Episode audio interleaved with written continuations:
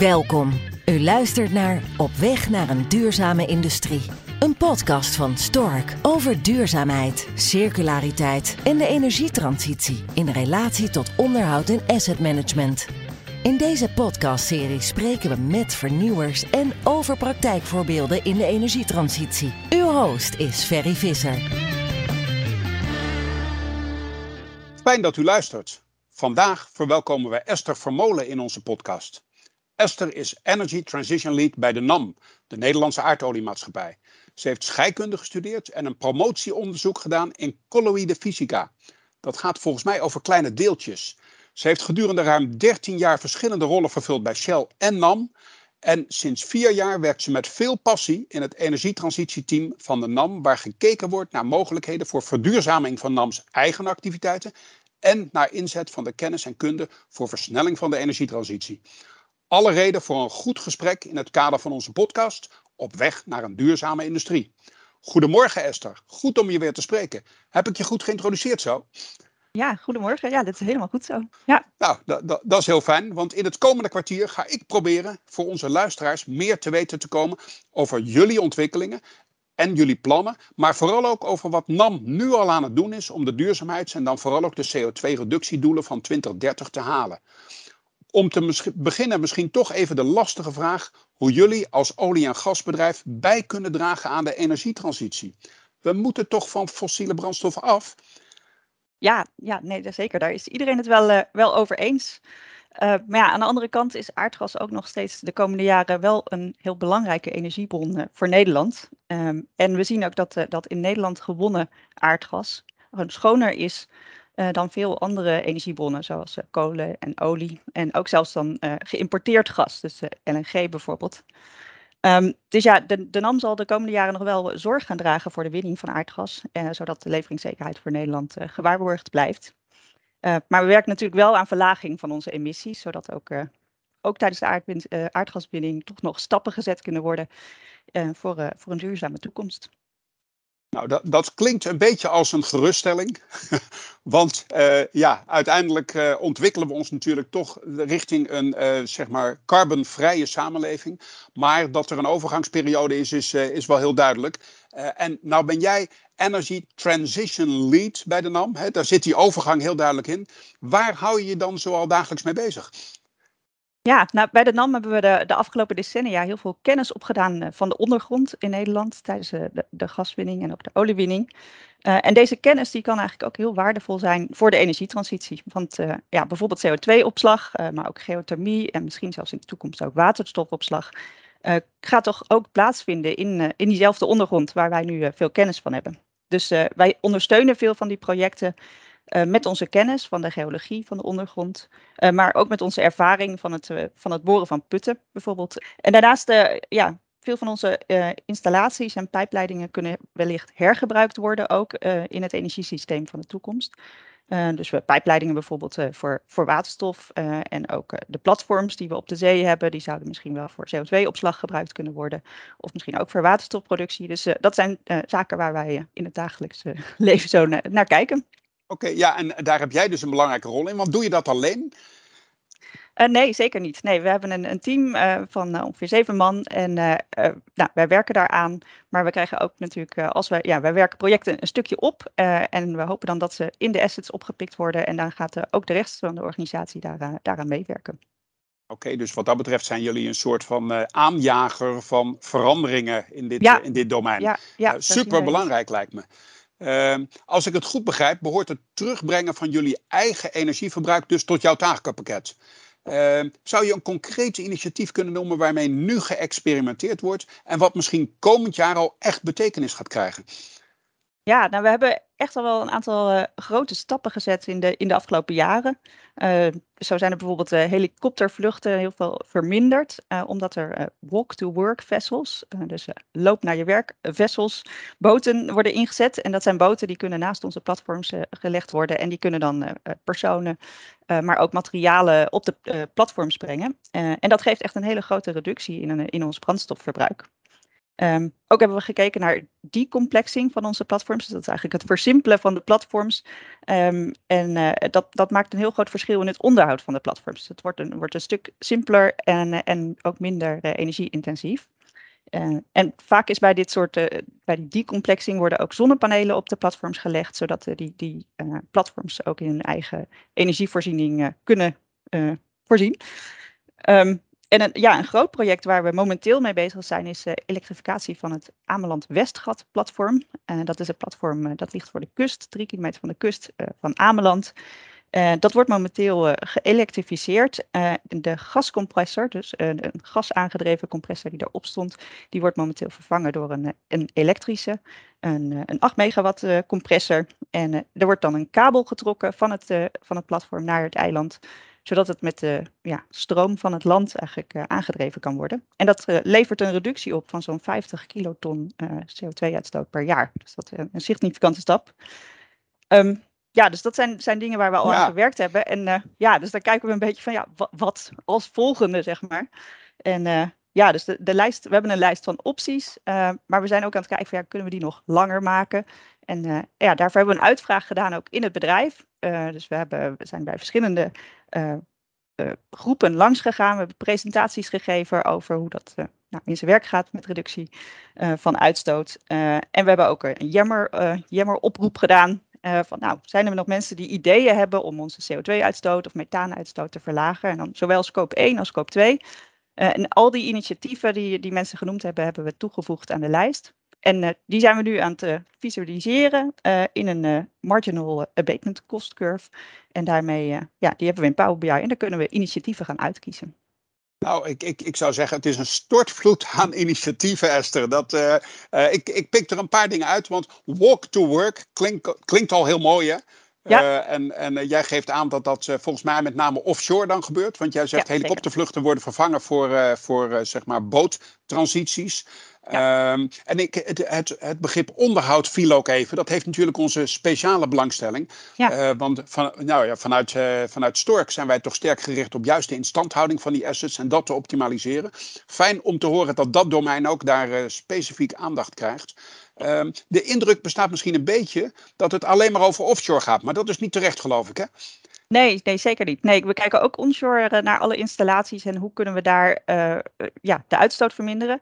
Het scheelt dat we onshore al veel uh, geëlektrificeerd hebben, dus daar, daar wordt minder uitgestoten uit de compressoren.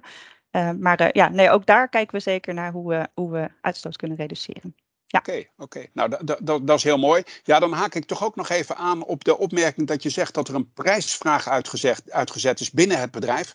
Dus dat betekent dat er een, nou ja, echt een bottom-up uh, aanpak gehanteerd wordt. Mensen in het veld eh, die signaleren, hé, hey, waar zou nog besparing uh, kunnen plaatsvinden? En dan noemde je een, een ja, voor mij enigszins, laten we zeggen, nieuw begrip, de Marginal Abatement Cost Curve. Uh, ja. uh, dat is een, een, uh, zeg maar een, een, tool dat jullie hanteren om te prioriseren. zou je daar iets meer over kunnen vertellen hoe dat werkt? Want wellicht dat andere luisteraars geïnspireerd raken van hé, hey, dat is interessant. Ja, nee, dat is zeker een, een, een nuttige tool. Um, dus uh, ja, de Marginal Abatement Cost Curve uh, heeft een, een y-as en daar staan eigenlijk de kosten per ton CO2 die je reduceert op. Uh, en op de x-as staat de hoeveelheid uitstootreductie. Um, en dan wordt elk okay. project dat er is, wordt daar weergegeven in een, in een kolom, waarbij dan de dikte van de kolom aangeeft uh, nou, hoeveel uitstootreductie er is. Dus je kan uh, direct zien, dikke, dikke kolommen zijn, uh, nou, hebben veel impact. en die, die projecten zijn allemaal gerangschikt op volgorde van de, van de kosten per ton CO2 gereduceerd. dus links staan de projecten die negatieve kosten hebben. Negatieve kosten betekent dus eigenlijk dat het project geld oplevert. Ja. Dus projecten die je zeker moet doen. Uh, en hoe verder je naar rechts komt, hoe duurder eigenlijk de projecten worden. Um, ja, en daarmee kan je vrij snel in één op, oogopslag zien uh, welke projecten veel impact hebben. Uh, en we hebben ook een aantal filters ingebouwd, dus welke, ja, zodat je kan inzoomen bijvoorbeeld op een bepaalde locatie, zodat een, een asset manager kan zeggen, nou wat kan ik nou doen op mijn locatie? En je zou ook kunnen inzoomen bijvoorbeeld op methaan of CO2. En we hebben zelfs een, een, een soort switch voor projecten waar weinig engineering nodig is. Aangezien toch manpower momenteel best wel een ding is. Ja. het is ja, lastig om mensen te vinden om dit soort dingen uit te werken. Dus dan zou je toch nog kunnen kijken van nou, wat kan ik doen als ik toch krap zit in de, in de manpower. dan hebben we de, de bepaalde projecten hebben we een vinkje meegegeven van nou, dan moet je hierop focussen. Dus ja, dus zo kunnen we, dat, kunnen we echt kijken van wat moet je selecteren. En we proberen daar een, een, jaarlijkse cyclus van te maken, van elke keer die curve weer aanvullen en weer nieuwe projecten selecteren waarmee we dan aan de slag gaan. Ja, heel, heel, mooi. En daarmee krijg je ook goed overzicht natuurlijk. Ja. En, ehm, en, en je zegt het is een prijsvraag. Dus betekent dat ook dat daar uh, zeg maar in het bedrijf ook uh, mensen beloond worden voor uh, zeg maar de goede ideeën? Nee, het is geen prijsvraag. Oh, het is geen prijsvraag. nee, het is een, verkeerd begrepen dan. een uitvraag geweest. Een uitvraag. Ja. ja. nee, dus we hebben wel op, op Jammer echt de, ja, de vraag gesteld van willen mensen dingen inbrengen? Maar we hebben nog geen prijs eraan gehangen, maar misschien wel een goed idee. Ja, wie, wie, wie weet zou dat mensen nog meer kunnen stimuleren. Ik vind het een heel mooi voorbeeld van hoe je hier op een gestructureerde manier mee aan de slag kan gaan. Uh, fijn om dat met ons gedeeld te hebben. Um, de, wat jij ook hebt verteld bij je, bij je introductie is dat jullie ook nadenken over het energiesysteem van de toekomst. En um, ja, ik vraag me dan af, want jij hebt ook verteld dat jullie in het North Sea Energy programma zitten. Ligt daar een relatie met uh, dat energiesysteem van de toekomst? Want we zien van alles op de Noordzee gebeuren. Ja. Uh, de, de, de windturbines die schieten uit de grond daar. Uh, kan je daar wat over vertellen? Ja, ja, nee, nou, wij, zien, wij zien als NAM inderdaad onze, eh, ja, een rol als incubator. Dus dat is eigenlijk een soort uh, een broedplek voor, voor nieuwe ideeën. Dus ja, we hebben aan, de wieg gestaan van best wel wat initiatieven. Zoals bijvoorbeeld ja, het Aramis CCS-project, wat, wat op de Noordzee gaat plaatsvinden. maar ook veel, veel van de Shell-geothermie-projecten zijn in NAM begonnen. Um, en concreet werken wij nu ook aan het uh, H2 Gateway project in Den Helder. En dat kijkt naar, uh, naar blauwe waterstof. Dus dat gaat om uh, aardgas wat gewonnen wordt op de zee. En dat kan omgezet worden in waterstof. En de CO2 kan vervolgens weer opgeslagen worden in lege gasvelden op de Noordzee. Um, ja, en die blauwe waterstof kan dan vervolgens een rol spelen in, in het op gang brengen van de waterstofeconomie, zolang er nog niet genoeg groene stroom en groene waterstof is. Um, en we zijn ook betrokken bij onderzoek voor uh, uh, ja, waterstofopslag in lege gasvelden. En uh, nou, dat, kan, dat kan eventueel ook op de zee plaatsvinden. Um, ja, en dit soort initiatieven die, die allemaal op de Noordzee plaatsvinden, die worden inderdaad bestudeerd ook in het Sea Energy project dat geleid wordt door TNO. en daar komen ongeveer 30 partijen samen, internationale partijen, ook veel nationale partijen.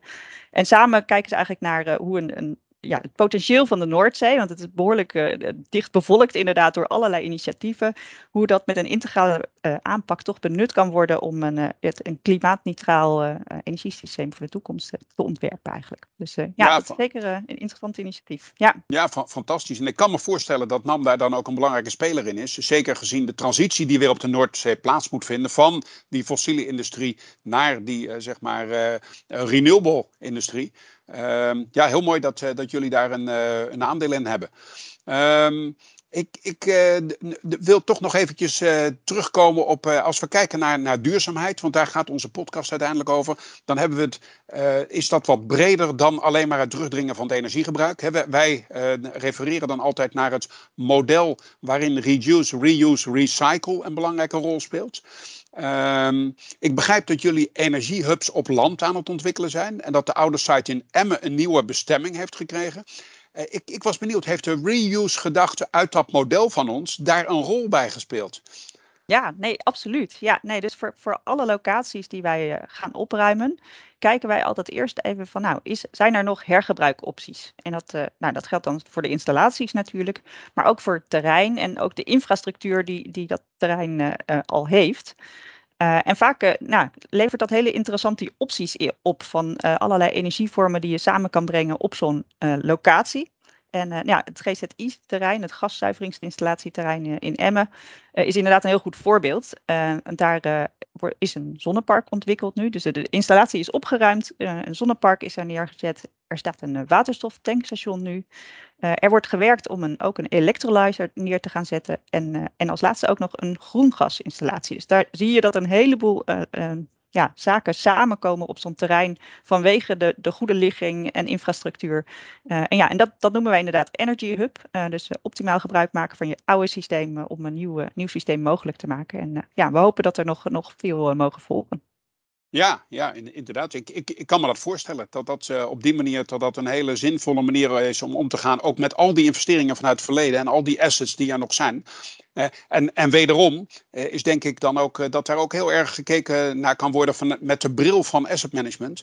Hoe zeg maar nou, over de hele levenscyclus daar maximale waarde mee gegenereerd wordt. Ja. Ehm, is asset management binnen jullie domein ook daarin een, een belangrijk vakgebied of aandachtspunt waar jullie uh, met die bril naar kijken? Ja, nou, er, is, er is een speciaal team die inderdaad, het, het Energy Hub team, die naar dit soort dingen kijkt. Dus, dus alle locaties die eigenlijk uh, geoormerkt worden om opgeruimd te worden, die, uh, die gaan worden overgedragen aan het Decommissioning and Restoration team. En die heeft een, een subteam daarin die, die speciaal hier naar kijkt. Dus dat heeft okay. zeker onze focus. Ja. Ja, ja, fantastisch. Um, ja, als we naar de klok kijken, dan moeten we eerlijk zijn en moeten we zeggen dat we eigenlijk alweer richting het einde van deze, van deze podcast gaan. Nou heb jij de luisteraars een mooi inkijkje gegeven in jullie aanpak richting klimaatneutraliteit. Uh, wij hebben als doel om kennis en ervaring in de industrie met elkaar te delen. Welk advies zou jij luisteraars kunnen geven om direct mee aan de slag te gaan, vanuit jouw ervaring? Ja, ik heb er, ik heb er twee. Um, Kijk, ten eerste, zorg dat die verduurzaming gaat leven in het bedrijf. Ik denk dat dat heel belangrijk is. Dus zorg dat je ook investeert in kleine, zichtbare initiatieven die mensen aan het denken zetten. Um, die ook geeft de inzicht in de uitstoot en ook waar uh, de meeste reductie te behalen valt. Dus bijvoorbeeld dat, dat methaan een, een sterker broeikasgas is dan uh, CO2. En zodat mensen echt kunnen meedenken in hun tak van sport, uh, waar de meeste, ja, wat een goed reductieprogramma zou zijn om in te zetten. En als tweede, meer een algemeen advies. Voordat geïnvesteerd wordt in nieuwe infrastructuur, kijk wat er is en kijk of hergebruik mogelijk is. En, uh, en dan hopelijk kunnen we dan sneller en ook hopelijk tegen lagere kosten uh, overschakelen naar een uh, volledig hernieuwbare energiesysteem. Nou, met deze adviezen denk ik, daar kunnen de mensen wat mee. En Esther, ik wil je hartelijk bedanken voor je tijd en waardevolle inzichten. En wens je natuurlijk veel succes in het realiseren van jullie ambitieuze plannen. Ik vind het mooi om te zien dat een bedrijf dat zijn bestaansrecht ontleent aan de fossiele industrie zo'n mooie bijdrage levert aan de transitie die plaatsvindt. En uh, ja, aan de luisteraars, we zijn dan aan het eind gekomen van deze uh, editie van onze podcastserie. En we hopen jullie bij een volgende editie ook weer te verwelkomen. Dankjewel.